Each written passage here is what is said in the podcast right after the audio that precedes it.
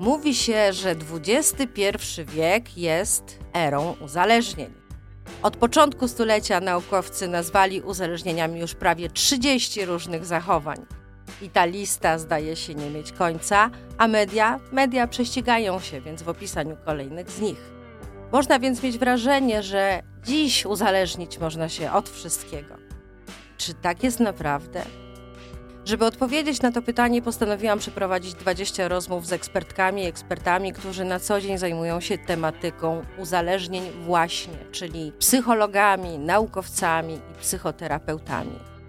Razem z nimi przeprowadzę Was przez ten labirynt informacji i odpowiem na pytanie, dlaczego właśnie o naszych czasach mówi się, że są erą uzależnień i jak to się stało, że niektóre nasze naturalne zachowania stały się uzależniające. Opowiemy, czy można się uzależnić od seksu, pracy, sportu, zakupów, hazardu, opalania, biegania, uczenia itd. itd.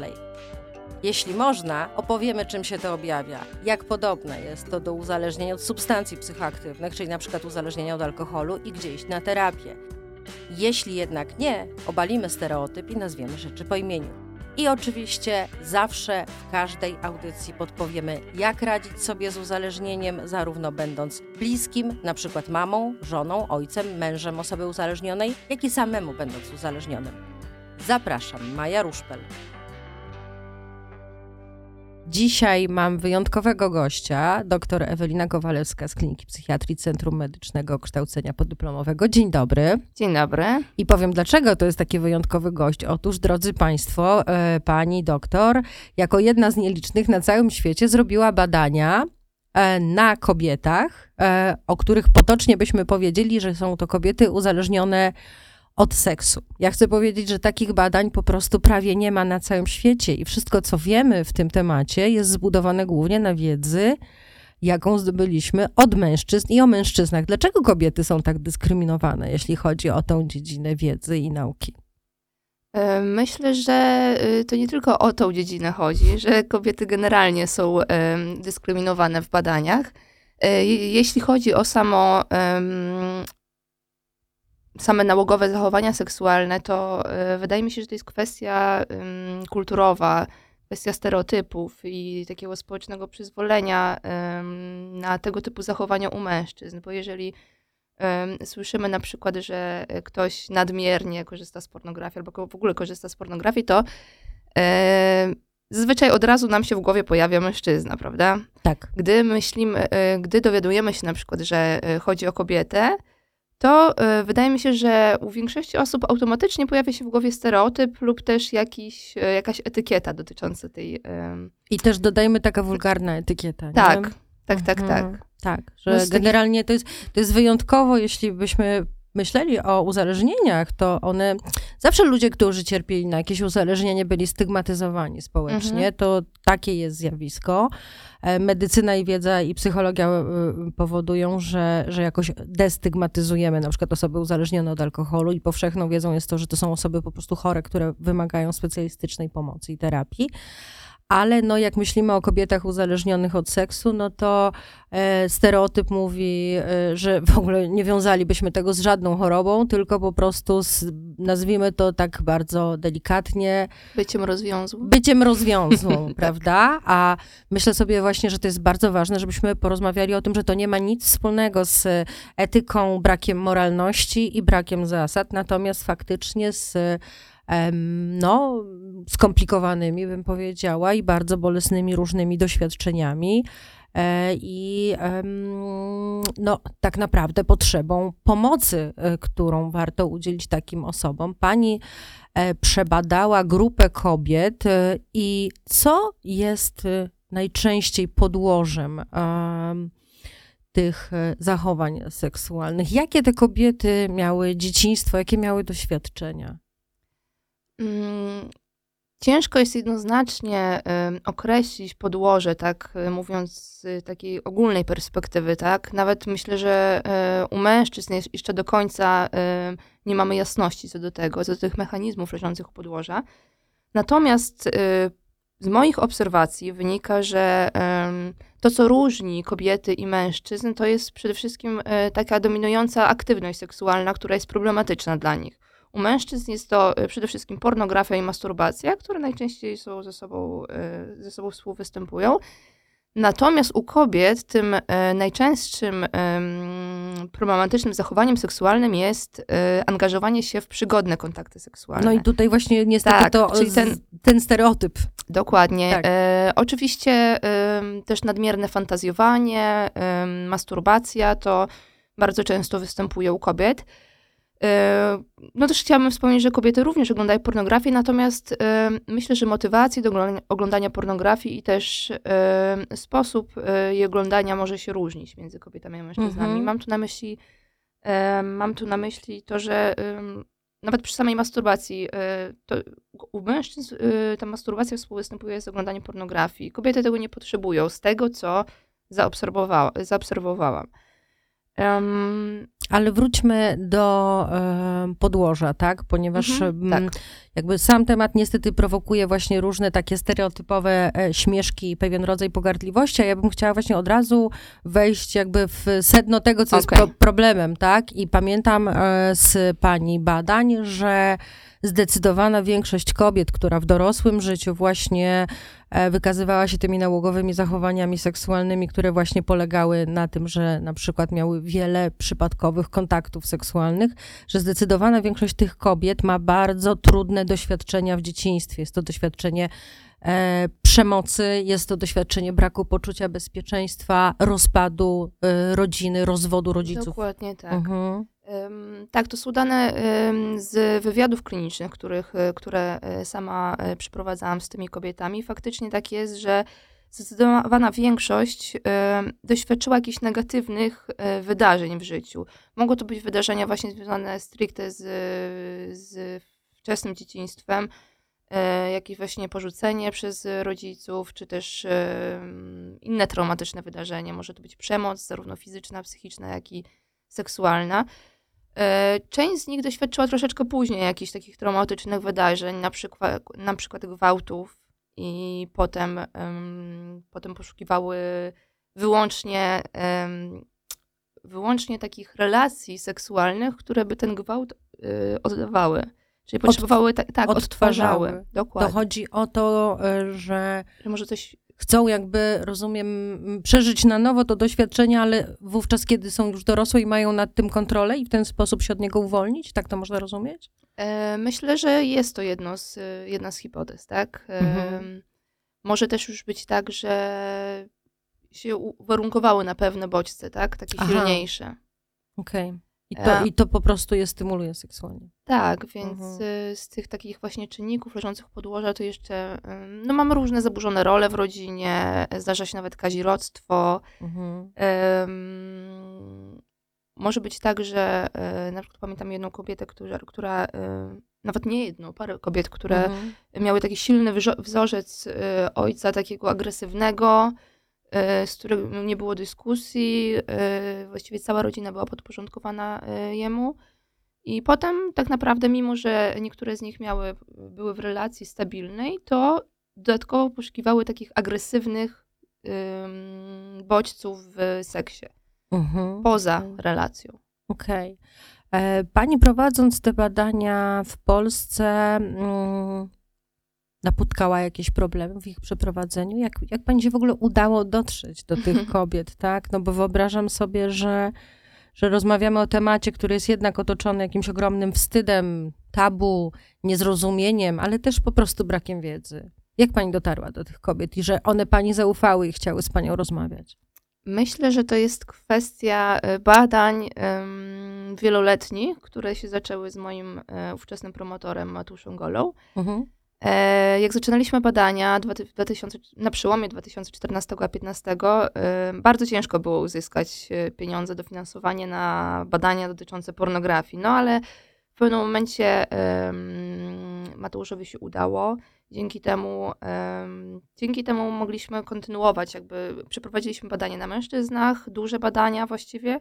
Właśnie, bo chciałabym dodać, że pani doktor Ewelina Kowalewska jest częścią takiego dużego zespołu badaczy zajmujących się kwestią uzależnienia. Kiedyś mówiliśmy o tym uzależnieniu od seksu, dzisiaj mówimy o kompulsywnych zachowaniach seksualnych i ten zespół doprowadził między innymi do tego, że te zachowania kompulsywne seksualne weszły do klasyfikacji Światowej Organizacji Zdrowia. No i jest duża szansa na to, że dzięki temu po pierwsze będzie edukacja, profilaktyka i profesjonalna terapia, która będzie ludziom pomagała z, z, z tym problemem właśnie. Miejmy nadzieję. Tak, Miejmy nadzieję, Że szybko to tak. nastąpi. Tak, także, ale poszukując tych kobiet. Jak, Poszukując kobiet, e, mieliśmy już e, pewną, e, myślę, e, bazę osób, które się interesowały tematem, czy to na jakichś profilach społecznościowych, na Facebooku, czy też w różnych ośrodkach terapeutycznych, więc e, to, co mnie zaskoczyło, bardzo duży miałam odzew w tych ankietach rekrutacyjnych, bo tam było, ym, myślę, że z 1500 kobiet, w internecie po prostu które same, wypełniło same się... tą ankietę. I ta Aha. ankieta, dodam, że była dosyć e, długa, więc e, mogła być demotywująca. E, no i e, oczywiście potem z tego, e, z tej grupy wybrałam według Mhm. określonych kryteriów osoby, które się kwalifikują, które się charakteryzują jakimiś tam zachowaniami. Okej. E, Mówiłyśmy o tym, że no, kobiety należą do tej grupy, że tak powiem, mm, nieprzebadanej wystarczająco, jeśli Tak. chodzi o e, kompulsywne zachowania seksualne i że wszystko, co wiemy na temat tak zwanego uzależnienia od seksu, no to wiemy em, na podstawie zbadania po pierwsze mężczyzn, a po drugie przede wszystkim mężczyzn z zachodnich krajów, prawda? Zachodniej Tak. Europy czy Stanów Zjednoczonych, więc cały czas jeszcze dużo rzeczy, dużo rzeczy nie wiemy. Ale wiemy em, coś o zachowaniach, tak? To znaczy to, co pani powiedziała, że w przypadku mężczyzn takim typowym e, zachowaniem problemowym jest oglądanie nałogowo pornografii i masturbowanie się i to są masturbacje, które mogą trwać po, po, po kilka godzin. E, Natomiast jeśli chodzi o kobiety, to tym zachowaniem jest e, e, poszukiwanie kolejnych relacji romantycznych, seksualnych, zmienianie, tak, często partnerów, podejmowanie jakichś przypadkowych kontaktów seksualnych. Czego te kobiety szukają? No bo wyobrażam sobie, że to jest ciągle Mhm. podejmowana jakaś próba, jakaś potrzeba, coś nimi motywuje. O co tu chodzi? E, Myślę, że z tych zachowań, które pani wymieniła, em, najczęściej, najczęstszymi są e, przygodne kontakty seksualne. Nawet nie Mhm. takie poszukiwanie romantycznych relacji, tylko takie e, przygodne. Z właśnie tych moich e, rozmów z tymi kobietami wynika, że e, niezależnie czy one by były e, na przykład w stabilnej relacji romantycznej, czy nie, przygodny kontakt seksualny daje im takie poczucie, e, e, uczucie euforii. Daje im poczucie oderwania od rzeczywistości. Mhm. Em, To trochę jak narkotyk. trochę tak. Em, co więcej, e, dzięki temu em, mogą się dowartościować, być w centrum czyjejś uwagi, mogą. te kobiety często y, mają taką wzmożoną potrzebę akceptacji, właśnie zwrócenia na siebie uwagi, więc to im daje ten e, przygodny kontakt seksualny. No i oczywiście redukcja napięcia, co jest Mhm. takim jednym z głównych em, czynników, tak? E, więc Czy pani pytała, ile na przykład w ciągu życia takie kobiety miały e, takich kontaktów, takich przygód? Mm, tak, myślę, że z tych, tej grupy, którą ja akurat Mhm. zbadałam, to ym, taką rekordową ym, liczbę y, około 100 w ciągu roku, Aha. więc sporo. Co trzy dni, nie? Co trzy, co cztery dni jakaś, Mhm. jakaś nowa relacja. No tak. Y, Też y, właściwie myślę, że mogę powiedzieć, że połowa tych kobiet, tych 30 kobiet, które, y, które, z którymi przeprowadziłam wywiady psychologiczne, na jakimś etapie właśnie zdradzało swoich partnerów. Mhm. E, nie było w stanie e, się powstrzymać po prostu e, i zdecydować się na takie e, życie stabilne z jednym partnerem. Okej. Em, czyli y, to, co e, motywowało tymi kobietami, to jest z jednej strony poszukiwanie, bo pani to tak mocno zaznaczyła, że, że one bardzo potrzebują być w centrum uwagi, potrzebują być akceptowane, y, widziane, tak, y, no, piękne, rozumiem, zachwycające i tak Tak, dalej, i tak dalej, tak.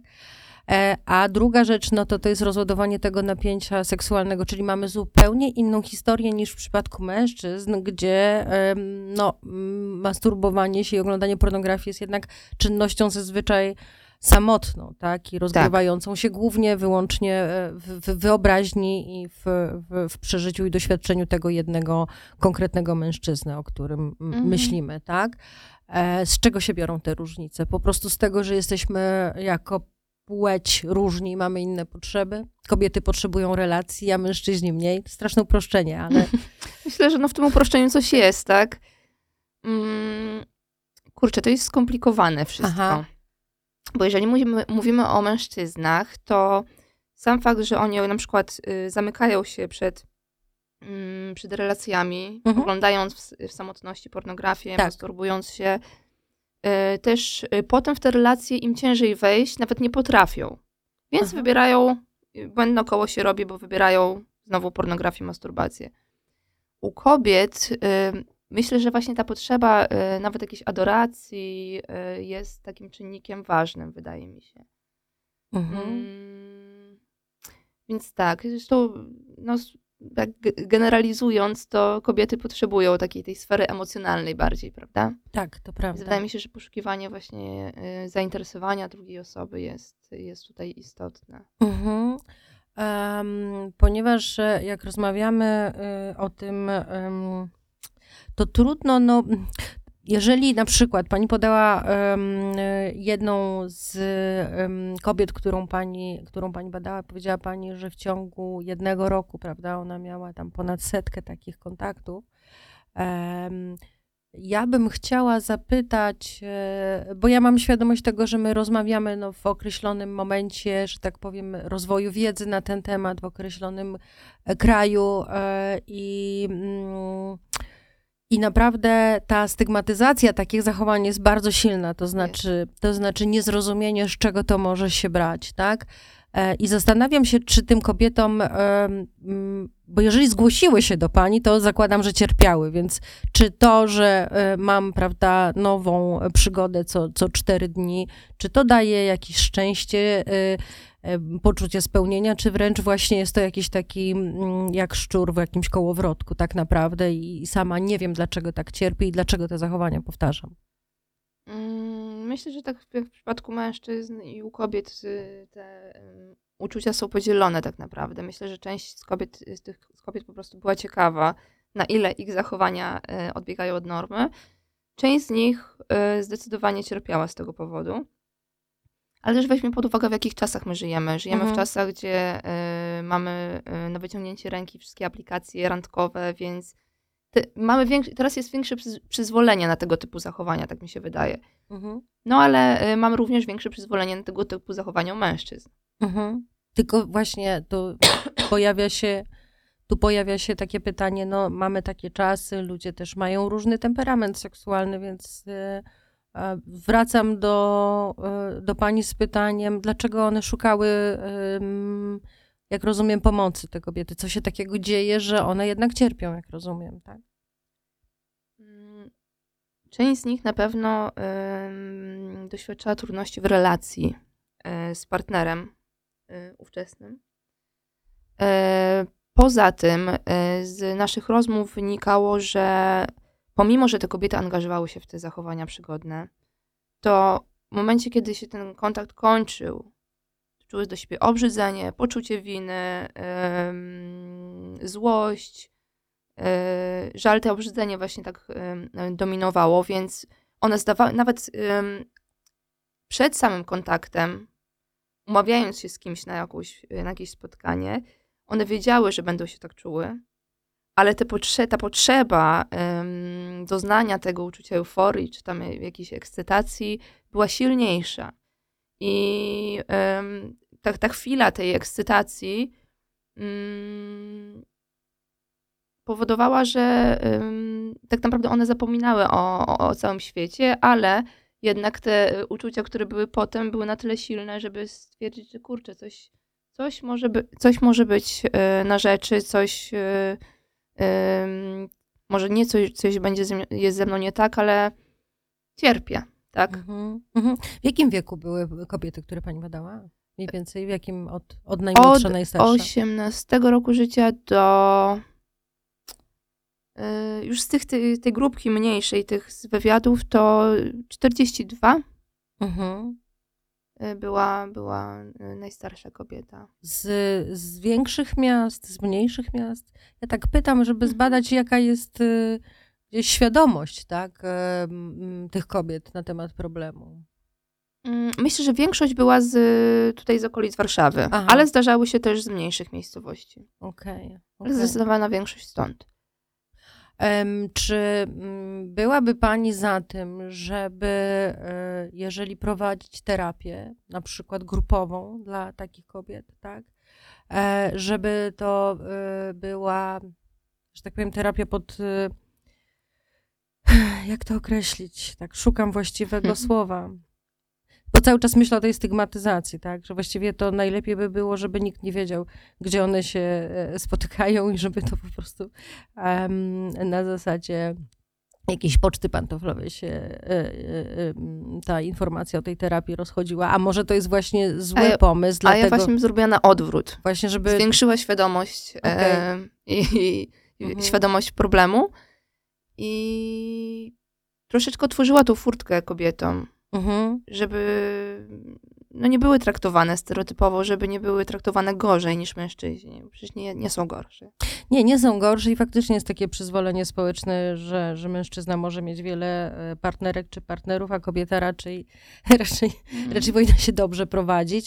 Natomiast no właśnie mm, myślę sobie, że na przykład jak słucha nas mężczyzna, który, który doświadczył zdrady ze strony, ze strony kobiety, no to jednak jest to na tyle duży cios i naruszenie e, zaufania tego, tego mężczyzny i traumatyczne doświadczenie, być może podważające jego poczucie wartości, także jako partnera seksualnego, że to bardzo trudno się przez to przebić, żeby powiedzieć, słuchaj, wiesz co, może ona cię dlatego zdradziła, bo ona ma po prostu problemy ze sobą i powinna porozmawiać e, z psychoterapeutą i seksuologiem, e, bo, e, bo może to jest coś głębszego i poważniejszego, a nie od e, jakaś lekkomyślność i nielojalność wobec ciebie.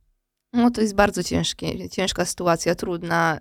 y, Sama zdrada w sobie jest trudna i zrozumienie drugiego, y, motywacji drugiego partnera to no, wi- wiąże się z ogromną jakąś siłą i cierpliwością i Ja wymyśliłam coś, ale tak szczerze, to się przyznam prowokacyjnie, żeby terapia była gdzieś prowadzona w miejscu, gdzie nikt nie zna tak pod naprawdę ziemią. pod ziemią, nikt nie zna adresu, gdzie ta terapia jest prowadzona. Informacja o tym e, też się rozchodzi jakąś pocztą pantoflową.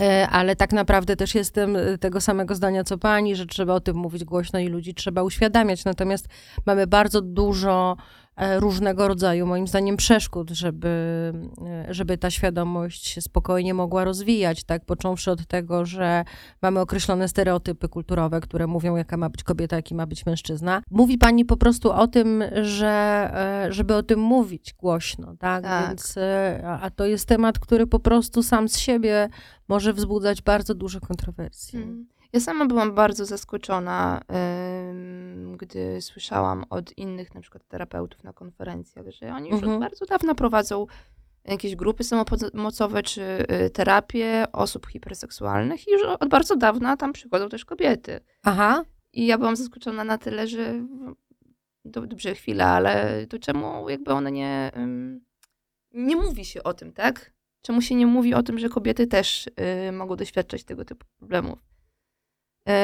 Dopóki nie zaczęłam robić badań, to tak naprawdę myślałam, że będzie bardzo ciężko uzyskać no, uczestniczki do mojego projektu. Yy, A okazuje się, że to już yy, yy, jakby chodzenie, szukanie pomocy przez kobiety jest w porządku dziennym. Okej. A jak to wygląda za granicą w innych krajach? Czy jest jakaś e, wzorcowa, bym powiedziała, pomoc, e, dobra praktyka, którą można by było tutaj w Polsce zaszczepić? Mm, ciężko mi powiedzieć. Naprawdę ciężko mi powiedzieć. Dysponujemy bardzo y, niewielką wiedzą dotyczącą i rozpowszechnienia tego typu problemów u kobiet, nie, nie tylko w Polsce, ale też za granicą. Y, tak samo z terapią. Tak naprawdę jeszcze nie mamy takiej spójnej terapii, jakiegoś strategii terapeutycznej, która jest skierowana y, do mężczyzn, a co dopiero do kobiet.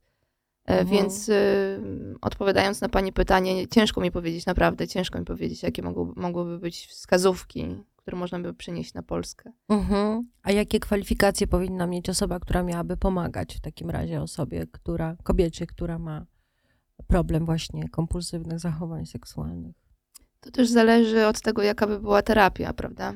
Mhm. Bo y, może to być terapeuta poznawczo-behawioralny, seksuolog, może to być po prostu terapeuta uzależnień. Zależy od tego, co, jak dalej pójdą y, badania. Okej. Okay.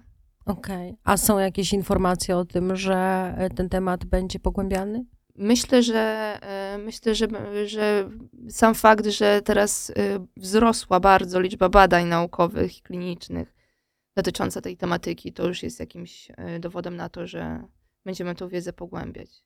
Okej, okay, czyli przed nami same po prostu wyzwania w tym tak, temacie tak naprawdę. Tak. To znaczy pogłębienie wiedzy na temat e, kompulsywnych zachowań seksualnych, podocznie e, stereotypowo nazywanych seksoholizmem albo uzależnieniem od seksu. Mhm. Jeśli chodzi o grupę kobiet, to jest jedna rzecz. Druga rzecz to stworzenie profesjonalnej pomocy dla takich kobiet, tak? Zdecydowanie. No i najtrudniejsza rzecz, czyli zmiana świadomości społecznej. Tak? To niestety wydaje mi się, że może potrwać najdłużej. Czy coś jest jeszcze ważnego w tym temacie, o co ja nie pytałam, a warto by było, żeby, żeby to padło w tej rozmowie? Mm, myślę, że e, fakt, że dotychczasowa wiedza e, jest zaczerpnięta z wyników badań prowadzonych na mężczyznach, o orientacji heteroseksualnej. Tak. Więc są potrzebne dalsze badania, po pierwsze na kobietach, na mężczyznach i kobietach o orientacji homoseksualnej, międzykulturowe badania, e, które by zakładały również e, kontrolowanie zmiennych takich jak e, nie, pochodzenie etniczne, właśnie e, mniejszości seksualne. Więc myślę, że to warto dodać, w jakim jesteśmy punkcie. Oczywiście e, samo włączenie tego zaburzenia do klasyfikacji chorób jest, jest czymś bardzo ważnym, istotnym i otwierającym nam drzwi tak, do dalszych badań. Natomiast trzeba mieć świadomość, że y, te wyniki bazują na y, badaniach przeprowadzonych na mężczyznach o orientacji heteroseksualnej. I kobiety też heteroseksualne pani badała, tak? Tak, ja badałam hmm. kobiety heteroseksualne. Mhm. Okej, okay, czyli naprawdę bardzo, bardzo dużo nie wiemy. Bardzo. Ale mam nadzieję, że się, że się jeszcze za naszego życia e, dowiemy. Uważam, że temat właśnie tych kompulsywnych zachowań seksualnych jest naprawdę fascynujący i e, bardzo e, złożony, dlatego że jak rozmawiamy o tym problemie, to po pierwsze właśnie inaczej to wygląda u mężczyzn, inaczej u kobiet, ale też jest bardzo ważny i ciekawy wątek wpływu popularyzacji pornografii na, na młodych ludzi, mhm, na dzieci, tak. na to, że, że właśnie w naszych czasach jest taka bardzo łatwa dostępność zarówno e, kontaktu z pornografią, jak i duża łatwość nawiązywania e, relacji, relacji seksualnych. Czy można powiedzieć, że w historii świata w przyszłości taki problem istniał, jeśli chodzi o kobiety? Zna Pani może jakieś doniesienia? Czy to jest raczej znak czasów? Myślę sobie o literaturze, którą czytałam, przygotowując mhm. się do swoich badań, to znalazłam jakieś artykuły dotyczące właśnie hiperseksualności u kobiet z lat 90., mhm. też późnych 80., więc wtedy już opisywano takie przypadki e, w Stanach. E, myślę, że w Polsce wtedy to jeszcze było nie do przyjęcia, bo inaczej tego nazwać nie, nie można. Mhm. Na przykład postać z takiego filmu Nimfomanka. Mhm. Myślę, że to wielu naszych słuchaczy y, zna ten film, i, i ponieważ bardzo dużo też było z nim związanych kontrowersji. E, czy ta postać, którą, e, którą tam oglądamy, kobiety, która ma bardzo właśnie wiele różnych e, relacji, sytuacji seksualnych i kontaktów seksualnych, łącznie z, z doświadczeniem przemocy, cierpienia, bicia, seksu grupowego i tak dalej, i tak mhm. to, to E, jakby psychologicznie można powiedzieć, że, że ona by się kwalifikowała jako na przykład pani, e, nie chcę powiedzieć pacjentka, ale osoba, którą panią mogłaby zbadać i zaliczyć do tej grupy, o której rozmawiamy. Zdecydowanie. Zdecydowanie. Zdecydowanie tak. E, obraz tej e, właśnie głównej bohaterki mhm. jest bardzo zbliżony do, do obrazu mhm. tych kobiet, które do tej pory spotkałam mamy i wczesno, mamy no i doświadczenie jakieś tam wykorzystywania emocjonalnego w dzieciństwie, też dysfunkcyjną relację z ojcem, mamy jakieś tam kompulsywne zachowania właśnie seksualne, doświadczenie konsekwencji w innych sferach życia, zaniedbywanie innych sfer życia. Mm. Tak, tak, zdecydowanie. A na koniec też mężczyzna, który tego w ogóle nie rozumie. Tak. Prawda? Tak jest. No. E, szanowni Państwo, e, jak zostało powiedziane, jesteśmy, że tak powiem, w procesie poznawania wiedzy na temat e, uzależnienia od seksu, uzależnienia od seksu wśród, wśród kobiet. Zachęcam Państwa do śledzenia działań zespołu, do którego należy dr Ewelina Kowaleska. Strona hiperseksualność.pl też tak. może, prawda? Tak. Też może dużo ciekawych informacji Państwu przynieść. Ja bardzo Pani przede wszystkim gratuluję tych bardzo badań, dziękuję. że Pani się na nie zdecydowała i bardzo Pani dziękuję za rozmowę. Ja również dziękuję za zaproszenie. Z pytaniem dotyczącym tego, jak rozumieć e, uzależnienie od seksu kobiet, e, E, te kompulsywne zachowania seksualne, zwróciłam się też do profesora Mateusza Goli, ponieważ Podobnie jak do wielu, podkreślę, innych e, problemów z dziedziny zdrowia psychicznego, bo tak było na przykład z uzależnieniem od hazardu, czy, czy też uzależnieniem od alkoholu, wkraczamy mm, w temat trochę z obszaru też, jak to się stereotypowo myśli, etyki czy moralności, tak? I mhm. E, chcę powiedzieć, że na przykład 120 e, e, lat temu hazard wpisywano, uzależnienie od hazardu wpisywano w klasyfikacji nozologicznej jako zwyrodnienie moralne. Bardzo wiele lat i nadal jednak do tej pory jakieś pokłosie tego, tego mamy. Osoby uzależnione od alkoholu także dyskryminowano i stygmatyzowano jako te, te złe, prawda? Cały Więc... czas w wielu kulturach to ma miejsce. E, tak. Także rzeczywiście taka ocena moralna jest czymś, co tak. mamy przetrenowane jako ludzkość, zwłaszcza w kulturze zachodniej od e, no, paru tysięcy lat. Tak. E, jest łatwiej ocenić kogoś jako osobę o słabej woli, mhm. osobę, która właśnie nie jest w stanie się ogarnąć. Podobnie zresztą z depresją. No też bardzo często to jest ocena w kategoriach jakichś cech charakteru, mhm. domyślnie, tam gdzie nie było prowadzonych kampanii psychoedukacyjnych E, dotyczących tego, że to jest choroba, że mhm. są realne zmiany w mózgu, w systemie poznawczym i tak dalej, to cały czas to jest oceniane na takim gruncie właśnie cech charakteru czy moralności.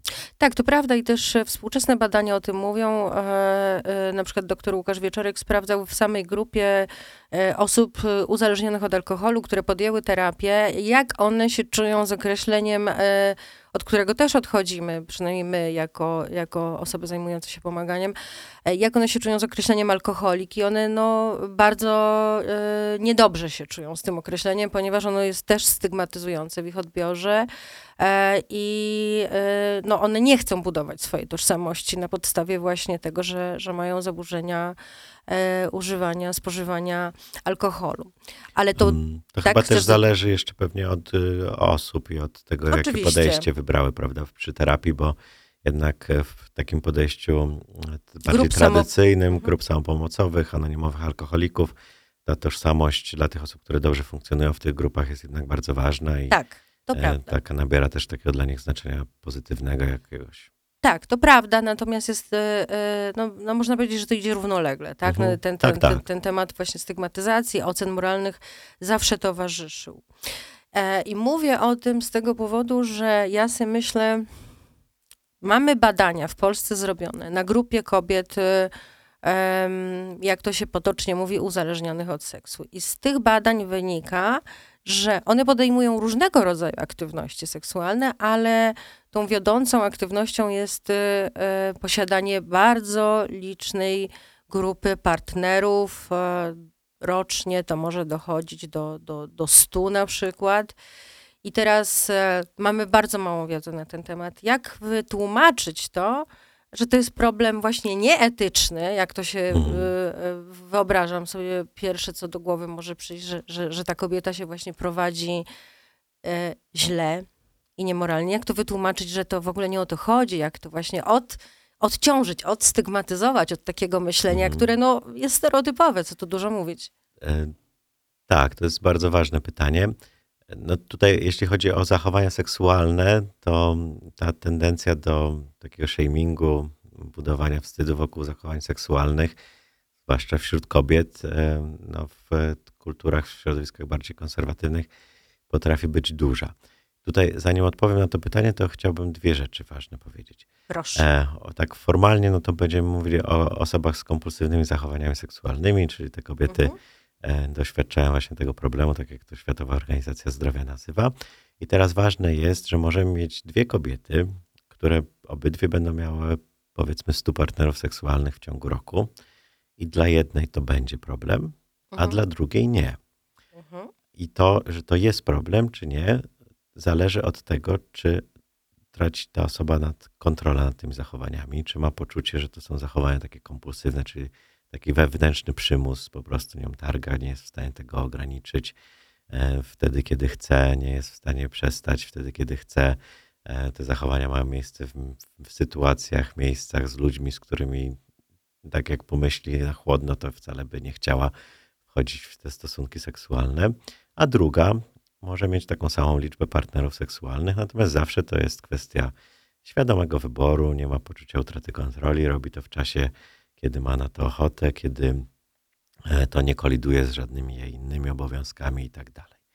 E, No i pierwsza, u niej będziemy mówili o tych kompulsywnych zachowaniach seksualnych, u drugiej to jest po prostu osoba wysoce aktywna seksualnie, Mhm. tam nie ma żadnego problemu. Nie? No i teraz, co sprawia, że dla jednej to jest problem, a dla drugiej nie? Że jedna wchodzi w te wszystkie zachowania, e, mimo tego, że nie chce, tak? a druga ma taką samą częstotliwość zachowań seksualnych i nigdy to nie, nie skutkuje z ża- żadnymi jakimiś większymi e, trudnościami czy problemami. Ano to, że w mózgu tej pierwszej po prostu następują konkretne zmiany Mhm. ten mózg zaczyna być bardzo wrażliwy na różne rzeczy, które z tym seksem się kojarzą. Zaczyna motywować ją do podejmowania zachowań seksualnych w sytuacjach, które często w ogóle nie są seksualne. W sytuacjach, nie wiem, zawodowych na przykład, w sytuacjach e, zupełnie, nie wiem, przypadkowych. E, I to zaczyna się dziać trochę wbrew jej woli. Nie? E, Niezależnie od tego, jakie ona ma plany na dzisiejszy dzień czy ten tydzień, nagle włącza się taki program automatycznego działania, któremu trudno jest oprzeć się, który trudno jest zatrzymać. Tak jak alkoholik na głodzie, e, czy ten, który już, e, nie wiem, osoba uzależniona, która zaczyna brać pierwszą dawkę, za chwilę musi pójść w ciąg. Tak samo tutaj podobne rzeczy się dzieją i to są konkretne zmiany e, fizjologiczne w mózgu, zmiany w te sposoby funkcjonowania tego mózgu, e, co definiuje to jako chorobę. Mhm. Och, tak wzdycham, bo sobie myślę, że, że wiele lat przed nami właśnie takiej, em, takich rozmów jak ta dzisiejsza, edukacji, edukacji społecznej, em, żeby tak jak kiedyś, e, no bo porównałam to uzależnienie od alkoholu. Kiedyś e, e, z tym uzależnieniem od alkoholu, no, ludzkość próbowała na różne sposoby walczyć, łącznie z prohibicją, co tylko pogorszyło sprawę. Mam na myśli Stany Zjednoczone i lata 30.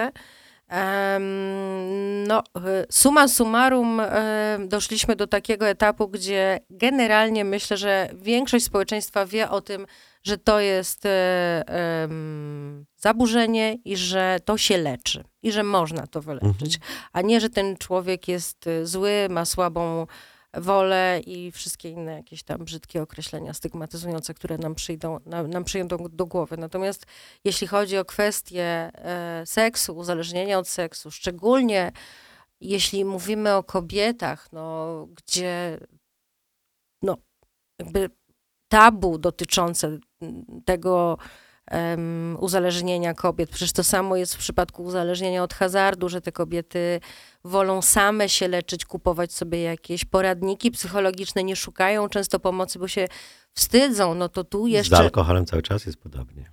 em, no jest, nie nie ale do tego stopnia. nie no, do tego stopnia, jednak. tak. No, natomiast no już jak już dotykamy tematu uzależnienia od seksu, no to ja Mhm. No to wynika z dwóch kwestii. To Mhm. znaczy, jedna to jest cały czas brak tej popularyzacji wiedzy, Mhm. ale też ta wiedza jest bardzo nowa, więc to, to są badania z tego roku de Mhm. facto, e, więc trudno oczekiwać, że one będą już powszechnie znane. E, Czyli wiedza, która nam pokazuje, i też to jest ważne, na przykład jak pracuję z pacjentami czy pacjentkami, to wytłumaczenie, co, że tam w mózgu no, realne rzeczy się dzieją, to się naprawdę ten mózg zmienia. On nie Mhm. funkcjonuje tak jak u osoby e, zdrowej, dla której seks jest opcją, z której Mhm. można skorzystać albo nie. Tutaj jest przymusem w pewnym momencie. To to już trochę ściąga tego takiego mm, wstydu. E, To poznanie, że to ma swoje po prostu podłoże neurobiologiczne. E, To jest jedna rzecz. Druga rzecz, no to jest ten z drugiej strony jakby odwrotne ostrze tego noża, czyli ten shaming wokół, wstyd, Mhm. wokół seksu.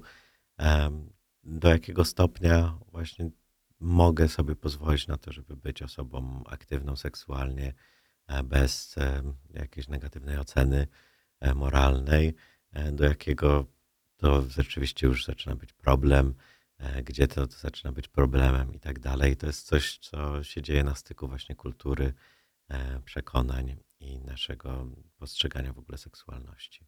E, I kobiet, i mężczyzn, ona jest cały czas postrzegana niestety inaczej. Tak, to prawda.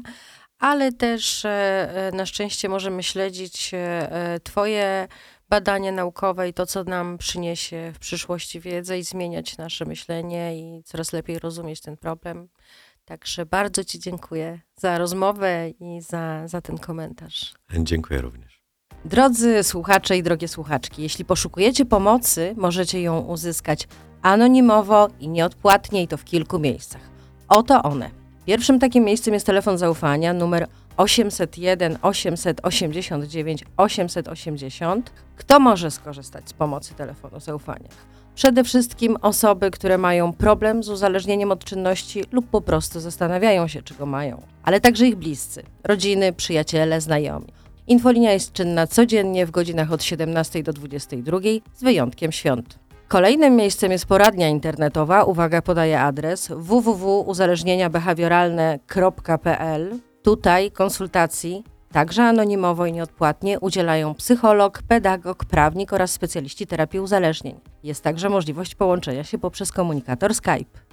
Jeśli zaś chcecie spotkać się z terapeutą uzależnień bezpośrednio, w znalezieniu placówek, które udzielają takiej pomocy, może Wam także pomóc informator, który można pobrać w internecie. Wystarczy wpisać do wyszukiwarki jego nazwę. Informator o placówkach udzielających pomocy w zakresie uzależnienia od hazardu i innych uzależnień behawioralnych. Projekt jest finansowany ze środków Funduszu Rozwiązywania Problemów Hazardowych, będących w dyspozycji Ministra Zdrowia w ramach konkursu przeprowadzonego przez Krajowe Biuro do Spraw Przeciwdziałania Narkomanii.